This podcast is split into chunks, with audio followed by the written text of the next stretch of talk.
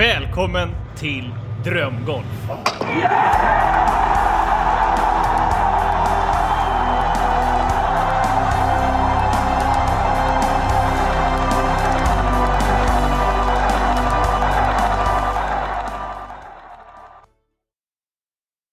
Välkommen till avsnitt 37 av Drömgolf. Nu... Eh, jag börjar bli riktigt trött på det här. Jag är nästan lite förbannad. Jaha. Alltså på ett bra sätt. Mm. Det är liksom... Det, det är, jag kan inte latcha runt något mer med den här skiten, Marcus. Nej. Jag har ju spelat tävling nu i helgen Ja. och det gick inte bra. Nej. Så jag kan inte latcha runt något mer. Du gick, spelade inte vilken tävling som helst. Nej, jag spelat Sverov Torshälla Open. Ja, det är din nemesis märker man. Ja, det är det. Men eh, det bör inte vara det. Kommer vi sitta här om ett år efter tävlingen och känna samma sak? Nej, det tror jag inte. Nej. För att det här, det här var min värsta golf som jag kan spela. Och min värsta golf det här året är inte lika dåligt som min värsta golf förra året. Så på så sätt är det bra. Men det känns inget bra. Nej, eller alltså... St stora delar av spelet var väldigt bra. Ja. Men det var... Nu missade jag för grovt. eh, Från 10. Mm. Så första varvet så missade jag både höger och vänster med driven. Och eh, ni som lyssnar känner ju säkert igen känslan. Det är därför golf kan vara så frustrerande ibland. Det är när man inte vet vad som händer. Eh, och, om, och det var länge sedan jag hade liksom, med, med just driven, alltså den har ju gått jättebra. Det har ju inte varit några problem att vara i spel liksom. Ja, det var, det var, jag var väldigt förvånad när du, när du berättade det på vägen hem. Det var Ja. framförallt första dagen. Ja, Och du sa att men driven var, eller från 10 var det spökigt. Och ja, sista veckorna, det är ju där du har varit stabil. Ja. Och då blev det så här, okej, ska jag stå och ställa mig och träna massa drives nu? Jag är också, jag brukar inte stå slå så mycket drives på ranchen för jag tycker det är, Nej. alltså det ger mig inte så mycket. Det ger mig mycket, mycket mer att slå olika typer av drives eller spoons på banan, för då, då gäller det någonting. Eh, så jag släppte det faktiskt. Totalt, men det var, ja, det var tufft. Jag gick nio över första varvet. Och eh, ja, mer eller mindre alla missar var från 10. Så jag gör en trippel, jag gör en dubbel och liksom, ja, det var, det var mycket bollar som inte, som gick i vattnet. Ingen boll out faktiskt, men, men i vattnet. Ja. Eh, så det var kämpigt. Men bara, om, man, om man drar tillbaka lite, om man tänker så som vi pratade om förra tävlingen. Ja, Hur var uppladdningen inför den här tävlingen? Du pratade, hur, hur, liksom, hur gick det till? Ja, men där Inför. gjorde jag ett misstag också nu när jag tänker efter. Eh, för att man kan ha olika typer av mål. Mm. Och målet är ju alltid att posta en bra score. Så det är ett resultatmål. Men Koberg-tävlingen då skrev jag upp bara att jag skulle försöka svinga fritt och spela mitt spel. Jag skrev inte upp någon mål inför den här tävlingen. Utan jag kände mig väldigt lugn och allting kändes bra. För jag har svingat bra, jag har spelat bra. Eh, och det kändes lugnt på, på Koberg också. Eh, så ja, givetvis är man ju lite nervös på första tee, men sen så släpper det ganska snabbt. Eh, och så är man igång liksom. Mm. Så det här var mer likt typ ett sällskapsvarv, där man tappar någonting och inte förstår vad som händer från tee. Okej. Eh, och då, Och så blir det bara ännu jobbigare för att det är tävling. Alltså att du Ja, ska men- posta en score eller? men typ, men det är inte så här, okej men eh, nu har ju inte jag någon driving iron i bagen som, som Nej. funkar liksom. Så Nej. att jag har ju spoon och driver, eller järnfyra som jag slår ut med. Den här är ju mycket längre än Koberg, så järnfyran räcker ju inte så långt på vissa hål. Så att jag slog ju driven liksom. Det var bara att jag inte riktigt kände mig trygg i det. Eh, och då brukar det sällan gå bra. Så det var en stor, ja, nu var det inte, alltså det var en stor push fade som jag slog. Mm. När jag försökte slå en drå. Ja, Eh, vilket är liksom, det blir ju en extremt grov miss. verkligen. Eh, ja, så det var, det var kämpigt. Puttningen skitbra. Tyvärr, när jag går igenom statistiken, eh, så tjänar jag typ ett, eller ja, ett slag på puttar mellan en till tre meter. Mm. Men jag tappar på de längre puttarna. Och då kan man ju tänka sig, ja fan, men typ allting mellan över fem meter, så här fem meters birdie putt eller liknande, gick inte i. Så jag gjorde inga birdies på 36 hål. Och då kan jag faktiskt säga att jag puttade bra. Mm. Det var enormt mycket koppsnurr. Ja. ja, men för du sa ju det själv. Vi pratade ju lite med för våran, eh, eller din supercaddy Linus var ju med. Mm. Eh, och ni satt i bilen och han intygade till och med att du puttade jävligt bra.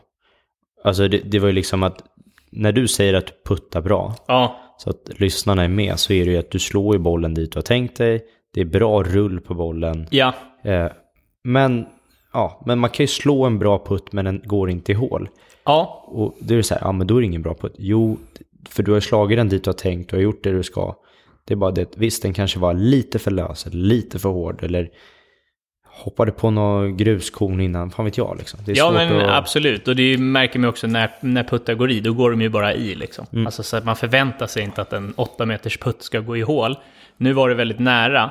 Många gick förbi, någon la sig precis bredvid och det är ju putta bra för mig liksom. Två puttar hela tiden. Eh, och nu blev det ju mycket enputtar, för man, jag puttar ju från fringen och sånt Mm, där i statistikmässigt. Så, att, eh, så det kändes jättebra. Jag eh, treputtade inte en enda gång.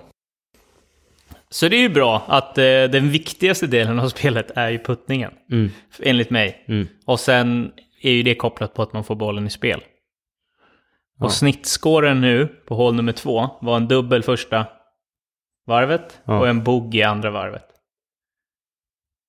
Ja, Så att det är ju inte bra. nej. Men det är ju det är ett, det är ett kukigt hål alltså. Ja. Om jag ska, det är, Men det är, du höll ju vad du lovade på den. Ja, det höll jag. Ja. Ja. Och sen ska vi komma in till den roliga delen av eh, Torshäll Open. Jag var ju liksom bara så här, ja, jag kan inte göra så mycket liksom. Nio över par är nio över par, det är Ja. inte bra. Men det är väldigt grova missar. Ja. Det är sällan man gör en trippelbogey och en dubbelbogey i samma varv liksom. Det är fem slag, pang. Ja, och, och sen inte har du några birdies som Exakt. eh, plockar igen. För hade du gjort tre birdies så hade det känts så här, ja, men då tog jag igen lite. Ja, sex över par, det hade inte varit bra, men det är liksom, ja, det är en rimlig score när man spelar dåligt. Ja. Eh, men varv nummer två så var jag jävligt knackig i känsla från tee. Eh, var jag. Men jag slog en låg fade. Ja. Eh, vilket jag inte spelar. Så jag Nej. spelade med det. Och Ja. tills, ja, så det var rätt många bollar i, i fairway. Eh, det var en ganska grov miss från tee, men, där lyckades jag ändå liksom... Ja, alltså där kan man ju rädda upp sig. Så länge man inte går i vattnet och har liksom 240 meter kvar på en par fyra. Det, det, Det hade jag inte. tufft, liksom. Mm. Men det som hände var ju att vi skämtade ju lite om att flighta sockets Ja. förra veckan. Och jag har ju haft en socket i mig, för vi gör om lite i svingen. Ja. Och det är konstigt för att jag kan gå ut och spela ett varv på Ågesta till exempel. Jag sa det till dig, att jag gjorde två dubbelbogies ett varv. Ja. Eh, för att jag gjorde två sockets. Ja. Och resten av spelet är fantastiskt. Så det är Ja. bara liksom två sekvenser av ett varv. Två svaga moments. Liksom. Ja, så att, och typ slaget efter så slår jag ett, ett alltså, perfekt slag liksom. Mm. Eh, men jag sa att jag är inte orolig över tävling. Det var samma på Koberg. Men varv nummer två så slår jag inte en, Marcus. inte två, utan tre sockets på ett tävlingsvarv. Var det bra flykt i socketen? Nej, det var, det var sån här... Uh, alltså, jag har ju dragit axeln ur led många gånger. Mm. Och när man drar axeln ur led så det är en ganska obehaglig känsla för du har ingen aning om vad som händer. Nej. Det är bara någonting som inte stämmer, det är ont och liksom så här, ja, det känns som... Alltså, ja, det är s- obeskrivlig känsla. Det är någonting som inte stämmer. Så, exakt så känns det ju att slå en socket. Ja. För du vet ju inte vad bollen är. Nej. Du kollar ju fram, vad är bollen? Pang! Nej, den är liksom 90 grader höger. Eh, så det gjorde jag på tävling.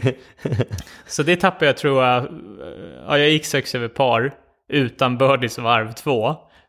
Och jag tror jag tappade, ja fem utav slagen är eh, Tack vare de tre. tack vare socket. Så att det är fem slag som försvinner, tack, eller ja, tack vare, på grund av mina sockets. Så jag vet att vi har skrattat åt det. Ja. Men det var jävligt påtagligt vad jag gjorde de tre sockets, eh, Mm.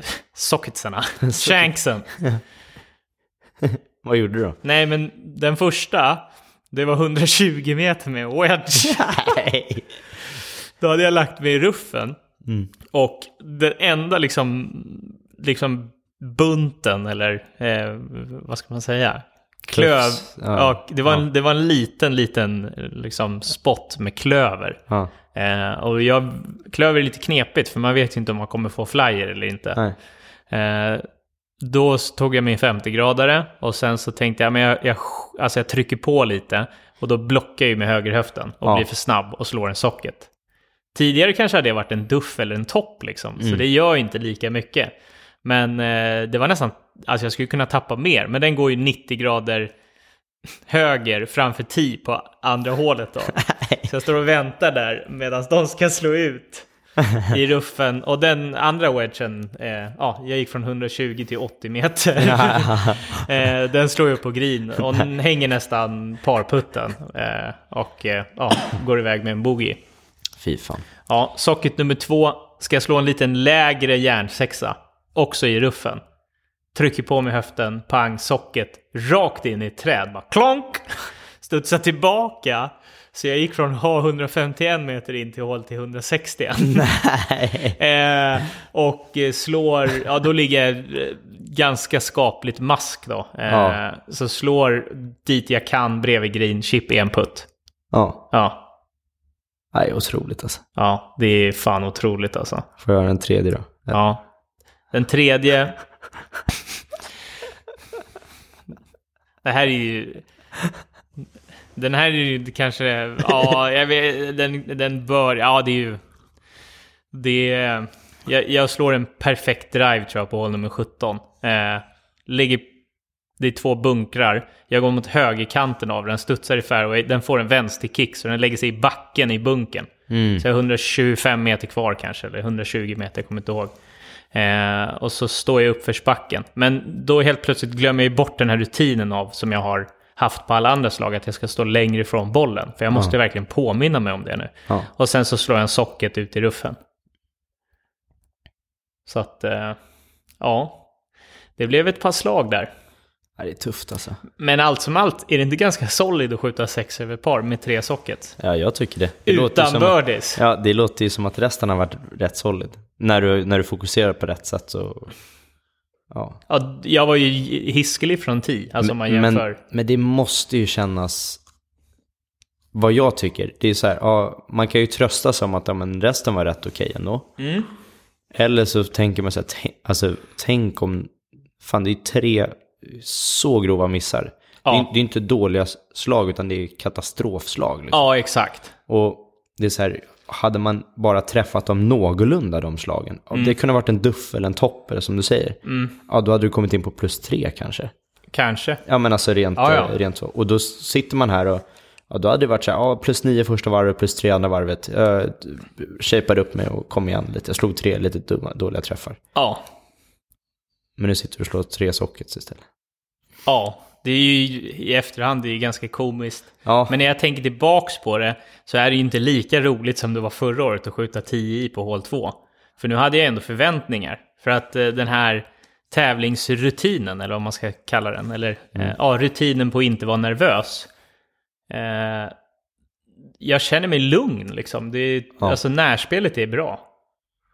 Och det är det jag har känt. Jag har ju berättat att jag har känt mig lite skakig på handen Ja. eh, när jag puttar eller chippar. Det känner jag mig inte längre.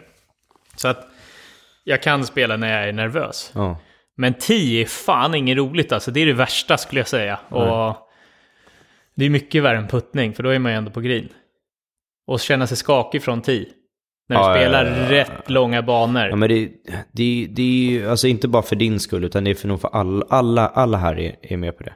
När du står på 10 och du vet inte var bollen tar vägen någonstans. Ja, Du känner dig så hopplös. För då, då känns det så här, va, ja, men då slå, måste fundera på att jag ska slå ett järnfyra liksom, för att jag ska ta mig härifrån. Liksom. ja, Och fundera, på, kan jag träffa green med järnfyra in? Eller, alltså, men då spelar du inte det spelet du ska spela egentligen. Nej. Då, då håller man igen. Och det är lite som man kallar 10 gips då. Man vet inte var bollen tar vägen. ja, Och det är det som, det är det anledningen är varför jag tror nästan allihopa står och tränar ranch. Varför jag har mer swinglektion än närspelslektioner. Det är för att man, känslan av en dålig drive som och, alltså flyger bort ner i vattnet, out, ut i skogen. Den känslan är mycket värre än om du drar en treputt. Ja, det är ju... Ja, det är ju... Tre putt är så här, åh fan, dålig första putt. Mm. Det kostar kanske lika mycket, Mm. men det känns, känns mycket värre. Och göra en, ett slag som hamnar ute i skogen och man får hugga ut den och sen gå framåt.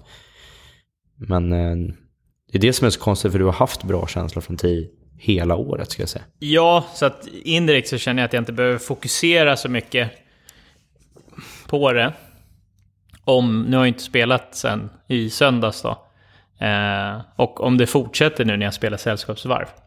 Så ja, då får man väl korrigera. Men jag vet ju vad det är. Jag stod ju för nära bollen där med. Ja, Så att allt blev klackar, eller höga tåar. mm, mm. Eh, Så det var ju bara en kompensationsdrive. Och någonting jag verkligen kände av då, för att det, det, det måste jag lösa. Eh, det är att skaffa sig en driving iron som är en järntvåa. Mm. Alltså just järn, alltså som har lite mindre loft, som går långt från 10. För att det är ju, ja då, då har du i alla fall, för den slår ju annorlunda kont- kontra spoon eller drive.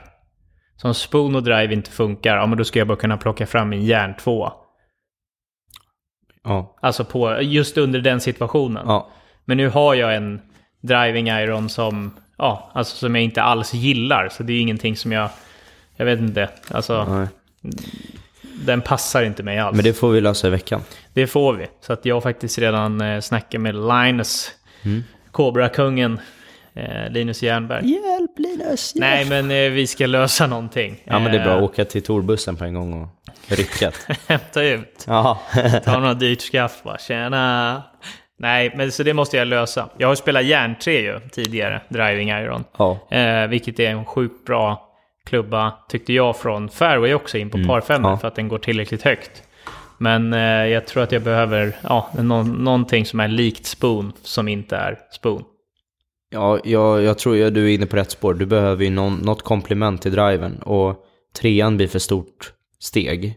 Spoonen har du inte heller haft så jävla bra självförtroende med, med tiden. Alltså dunka ut. Lite Mm, bättre. jo, på- jo. Ja, jo, men du hade inte det i början. Nej. I år.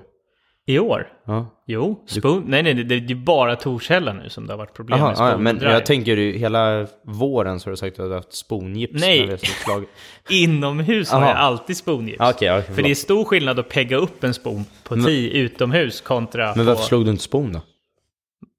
Därför den gick inte heller bra. Nej, okej, det var driven och sponen som gick åt skogen liksom. Ja, exakt. Det var Ah, båda två. Eh, Ja, men då fattar jag. men jag slog i och för sig betydligt mycket mer drives än spoon, men, men eh, Mm. ja. Järnfyran gick ju bra. Mm.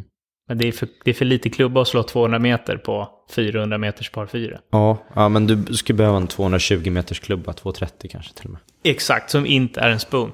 Ja, för, för det är ju... mm, Det här är, tycker jag är rätt intressant. Jag står ju jätteofta har lektion när folk står och slår raka slag, inklusive själv. Med järnen kan du slå en... Du, då smäller du ner klubban i backen. Ja. Så eh, eftersom du har en, liksom en negativ attackvinkel, även då med järntvåan då troligtvis, så har du ju samma typ av sving som du har med järnen som du ja, tränar mest. Mm. Eh, Medan när du kommer upp med driven när bollen ligger uppeggad så, så blir det inte samma attackvinkel utan då måste du svinga på lite annorlunda sätt. Mm. I alla fall i känsla. Eh, vilket gör då att den är lättare att tappa tror jag för den gör inte lika mycket. Du svingar kanske 10 drives per varv. I bästa fall. Mm. Eh, och medan järnsvingarna gör lite mer och tränar oftast mer på dem. Så jag vet inte, det, det gäller ju liksom att man har man, man förstår vad man ska göra med de olika slagen. Och det är jättebra att ha ett komplement till driven, ska Mm. jag säga. Eller driven och spoonen är väl sam, same same nästan, om man säger så. Ja, fast det har ju också varit... eh, Alltså, jag, tidigare år har ju känt att ja, jag slår spoonen bra liksom och driven dåligt. Så det, ja, men jag fattar vad du menar.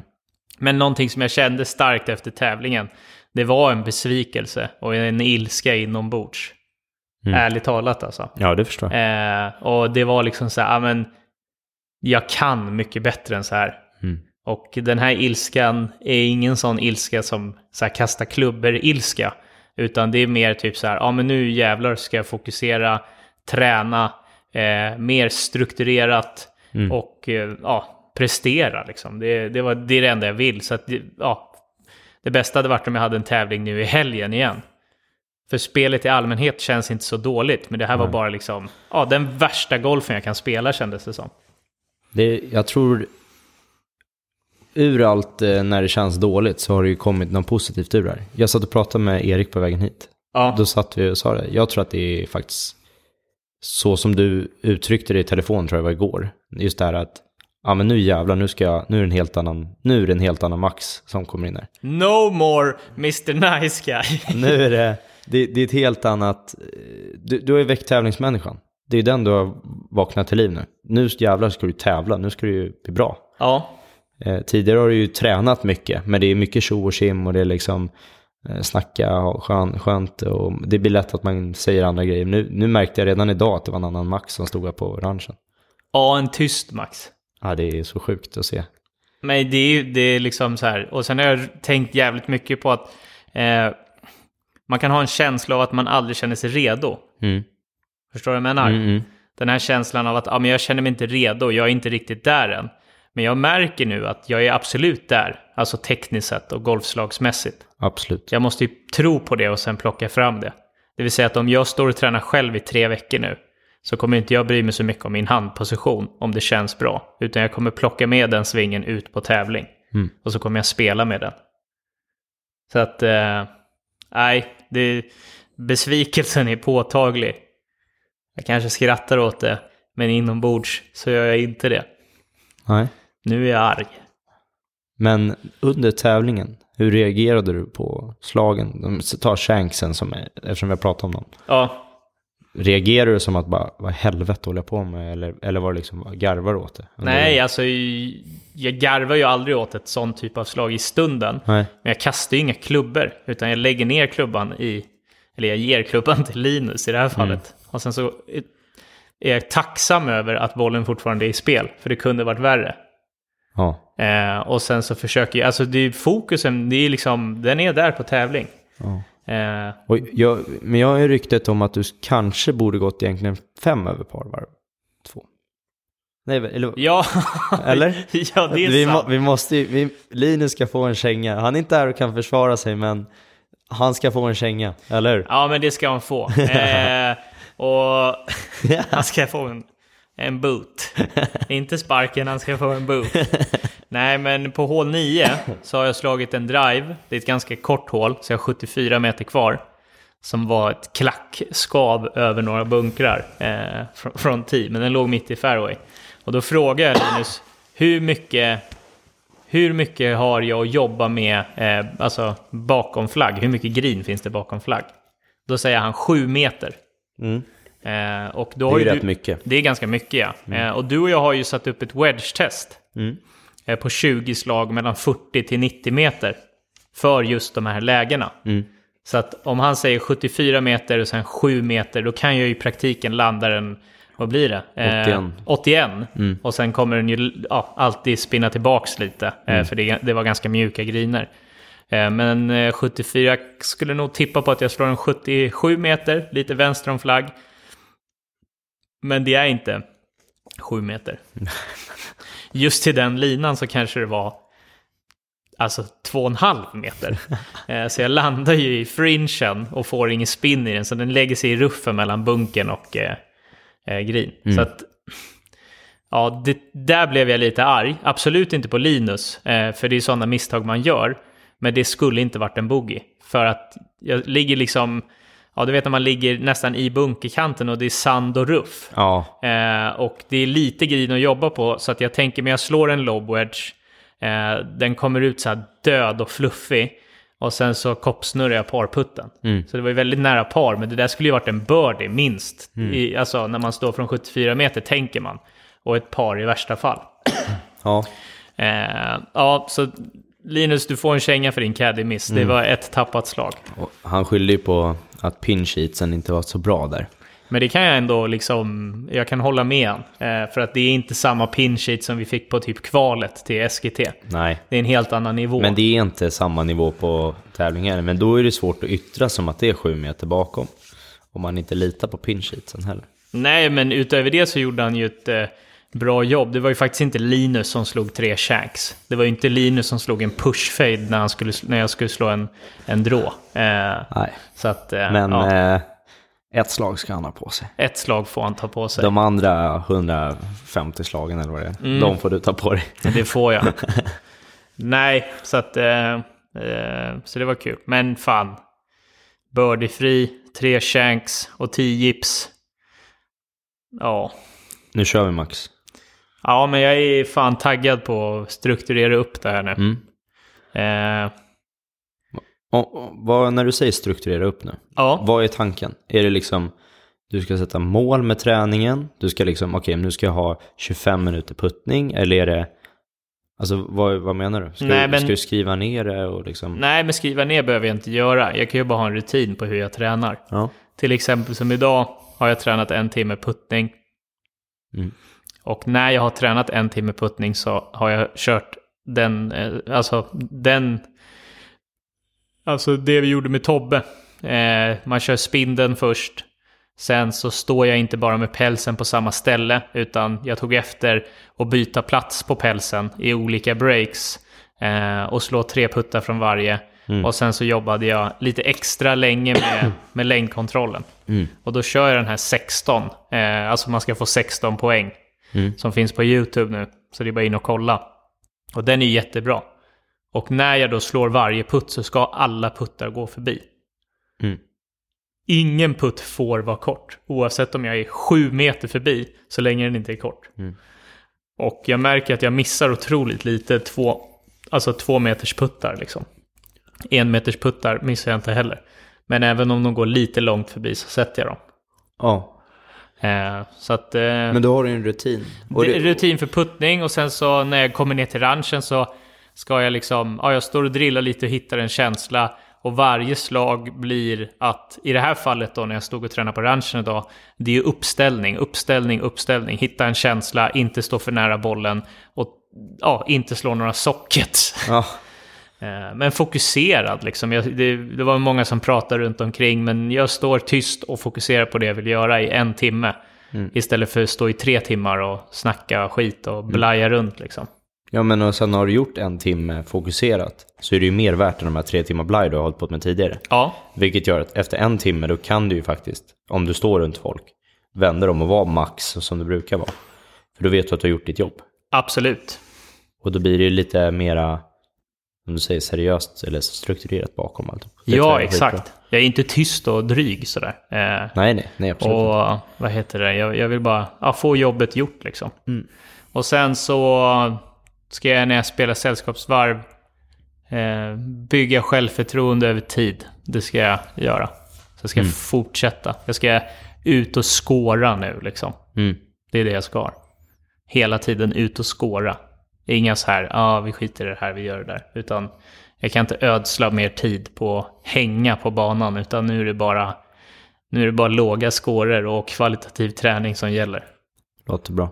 Ja, Men för jag tänkte en, en viktig grej som du tog upp här. Som jag tycker låter jävligt logiskt. Som jag en- egentligen, de, de flesta säger det. det här, om du ska lyckas med någonting. Mm. Så är en av bitarna som många gör, som inte är så dum, det är att ta efter någon som redan har gjort det. ja, Så Tobias har ju blivit en bättre puttare tack vare att han gjort de här tre övningarna. ja, Så det är ju egentligen beprövat att det funkar. Liksom. Mm.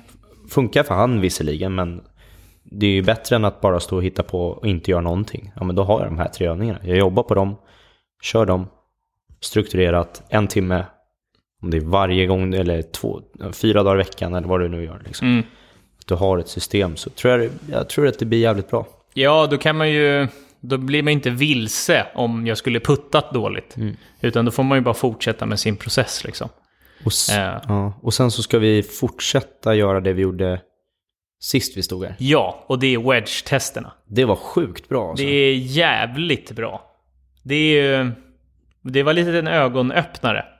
Ja, för mig med. Ja. För att eh, jag, jag insåg att det här är det du behöver träna mest på. Ja.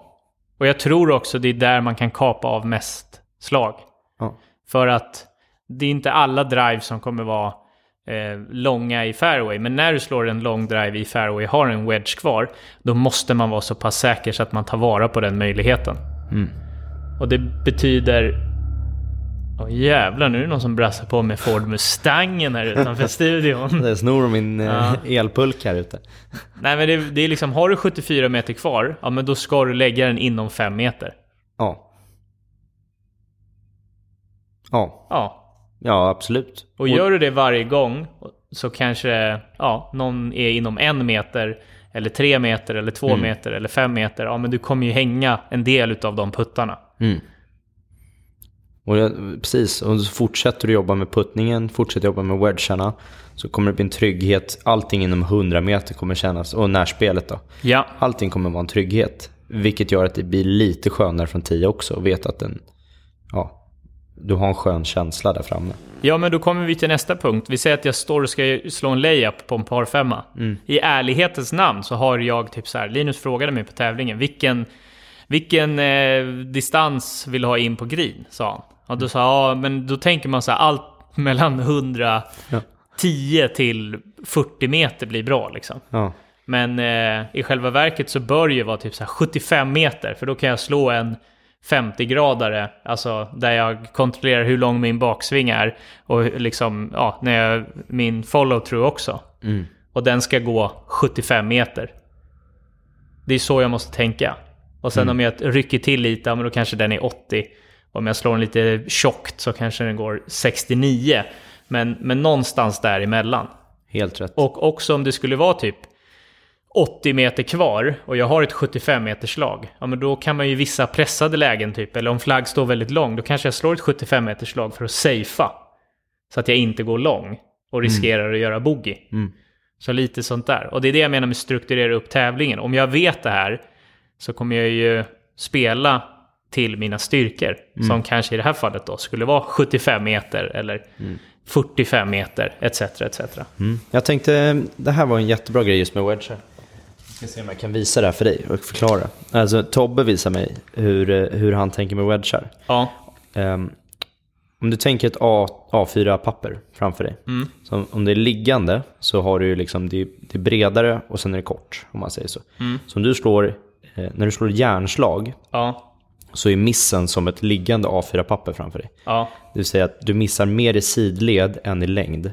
Ja. En järnsjua kanske inte går 140 eller 165, utan den är oftast, eller alltså om vi, tar, om vi säger det, den går runt den siffran du har. Ja. En full swing, för det händer inte så mycket. Medan när du slår wedgar så är missen så. Det vill säga att du, det är väldigt sällan så att du missar speciellt mycket sidled med wedgarna. Men längdmässigt är den som är missen. Och det är ju samma. Ja. Alltså det är ju samma längd egentligen. Ja. Men det är, det är just att du har inte...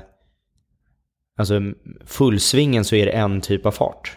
Ja. Men ett 40 meters slag och ett 50 meters slag är olika längder i svingen. Och olika hastighet in i bollen. Vilket gör att man måste träna sjukt mycket på att slå. 55 meter vet jag att det är så här långt. Så då ska jag svinga till eh, höger ficka i baksvingen. Med min 54-gradare med lite öppet blad. Då kommer den vara 55.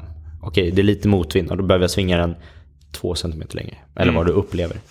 Då har du ett system och ett system kan man lita på i pressade situationer. Ja. Som du sa, you can't trust your hands. Eller vad det var. Eh, Ja, jag- typ when the pressure's on you can't trust your hands. Vad är dig var det va? Som sa det. Nej, det var eh, Mats Hallberg.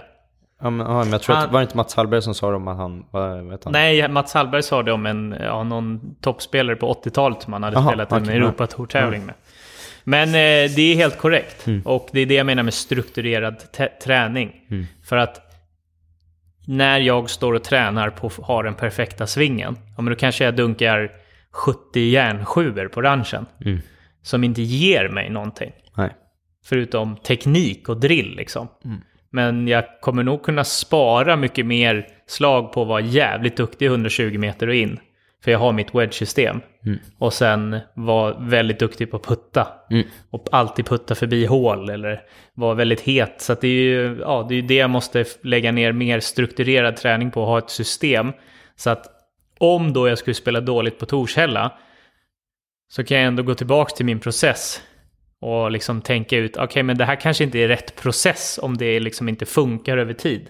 Precis. Men jag har svårt att tro att det inte ska funka över tid om man är, om, ja, om man är väldigt duktig på sina distanser med wedgarna och puttar bra och får bollen i spel från tee.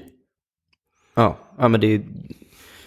Ta bort dubbelbogis och trippelbogis liksom. Och försök att bli bra med wedgarna. Ja, göra mer birdies och Ja. lägga bollen nära. Mm. Och då blir ju också typ, ja, som i det här fallet när jag slog ut en järnfyra på en parfemma.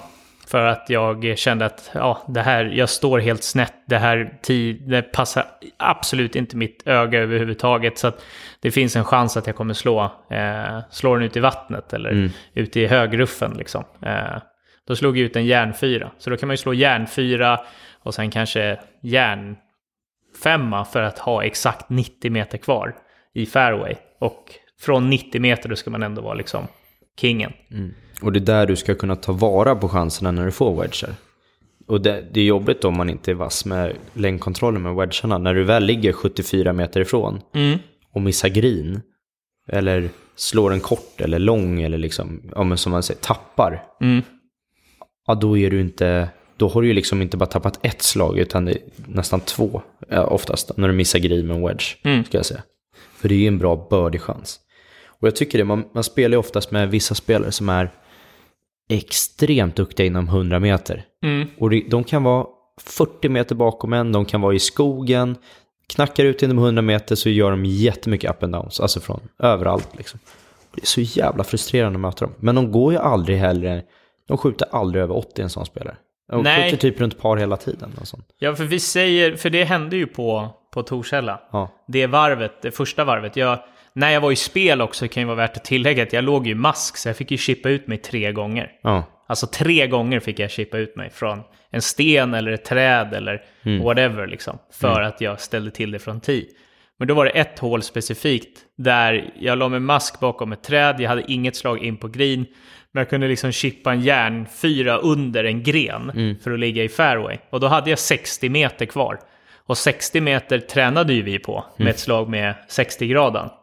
Eh, Så jag tänkte, men jag har ju mitt 60 meters slag här. Och så slår jag ett slag som går rakt mot pin. Det ser ut som bollen ska gå i hål. Och så har jag tap-in par från 60 meter. Så att eh, i värsta fall så skulle det vara två putt boogie. Mm. Och då kan man ju missa lite från tee så länge man inte slår den i vattnet eller out. Om man bara chippar ut sig till sin ja, rätta wedge-distans liksom. ja. Så att eh, wedge-system. Är syftet nu. Och Det är hård fokus hård på träning. wedge-system. Uppställning, struktur, eller struktur, uppställning på ranchen, puttövningar och längdkontroll med wedgar. Ja, Och bibehålla närspelet. ja. Och inte stå som en dåre och bara pumpa järnsjuor. Nej.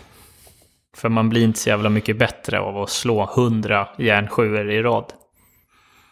För att hitta en bra handposition. Ja, om du inte spelar en bana som är 18 par treor som är 155 meter utan vind. Ja.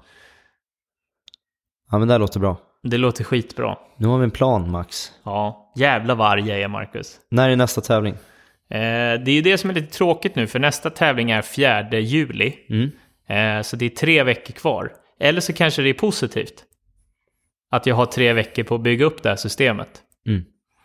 Eh, för det finns inga riktigt, riktiga tävlingar inom den här tre veckors perioden som passar Ja, det är kanske ja, tre och en halv, fyra veckor, ja, whatever. Som passar eh, mitt liv geografiskt sett. Så att, eh, ja, då kanske vi har en träningsperiod framför oss. Mm. Jag tror... Jag tror att du, precis som du strukturerar upp när du tränar Mm, och skårar när du går ut och spelar. Sk- Skapa, skapa den tävlingssituationen. Och då kanske det gäller att hitta någon som är lite bättre än dig att spela mot. ja, Det vill säga att vi kanske måste spela. nej men fan. jag bara skojar. eh, fan. Men det är, det är korrekt. Nu spelar jag en del med, med Erik Strömfeldt, vilket är nice. Mm. Eh, för han är jävligt duktig. Han spelade bra där va? Han puttade dåligt sa Han han. puttar dåligt, men ja, då sköt han ändå två, tre över par två varv i rad. Och puttade dåligt liksom. Eh, Så att, eh, det är där man vill ligga. När man spelar dåligt så vill man ju skjuta 75-75 eller 74-75. Mm. Ja, så det blir skitbra. Strukturera upp mitt jävla liv. Fy fan, nu kör vi! Eh, jag har också torskat pengar. Nej. Jo. 500 spänn har jag torskat. I dart eller? Nej. I golf. Nej. Jo. Mot min tjej. Va? Ja. Som är gravid i fan, eh, ja, sjunde månaden. Hur torskar du mot henne då? Jag eh, tränade puttning hemma Ja. på min puttmatta med pälsen. Ja. Och innan jag började träna så tänkte jag inte att jag skulle jävlas lite, utan bara liksom checka om hon grejade att putta med pälsen. Och hon spelar ju inte golf liksom. Nej, nej. Så att eh, jag sa så här, du får 500 spänn av mig om du klarar och liksom eh, slår den i den smalaste gaten på pälsen på första försöket. Och sen 250 på nummer två. Mm. Och sen 100 på nummer tre. Mm. Ja, visst sa hon så här. Så ställer den upp sig. Jag bara, det är, målet är bara att du ska liksom slå den igenom de här två järndankarna. Ja. Och när, så det är som en liten så här knopp som en surfbräda gör på pälsen in, alltså under. Så att Ja. man kan liksom trycka ner den i gräset. Ja. Så att det är inte optimalt att ha den inomhus på puttmattan, för den höjs ju upp lite. Så att det är liksom, eh, ja det är lite äckligt att stå och träna med päls inomhus. Eh, så jag tyckte inte det var värt liksom. Nej. Så jag tänkte så här, ja men vi får se om hon grejer det. Och grejer hon det så är hon ju värd 500 spänn. Ja. Det är klart hon grejer det på första försöket. Nej, fy fan. Och så sa hon till mig, vad är nästa steg? så att, eh, ja det var ju bara swisha 500 spänn direkt. Fan vad nice. Ja, Kul ju. det var kul. Så att eh, jag har spelat en dålig tävling. Jag är pank, men jag är jävligt arg och fokuserad och strukturerad. Och med det sagt så ska vi köra ett wedge-test nu. Mm. Och så hörs vi nästa vecka igen. Det gör vi. Ha det bra. Nej, jag skojar bara. Tja då!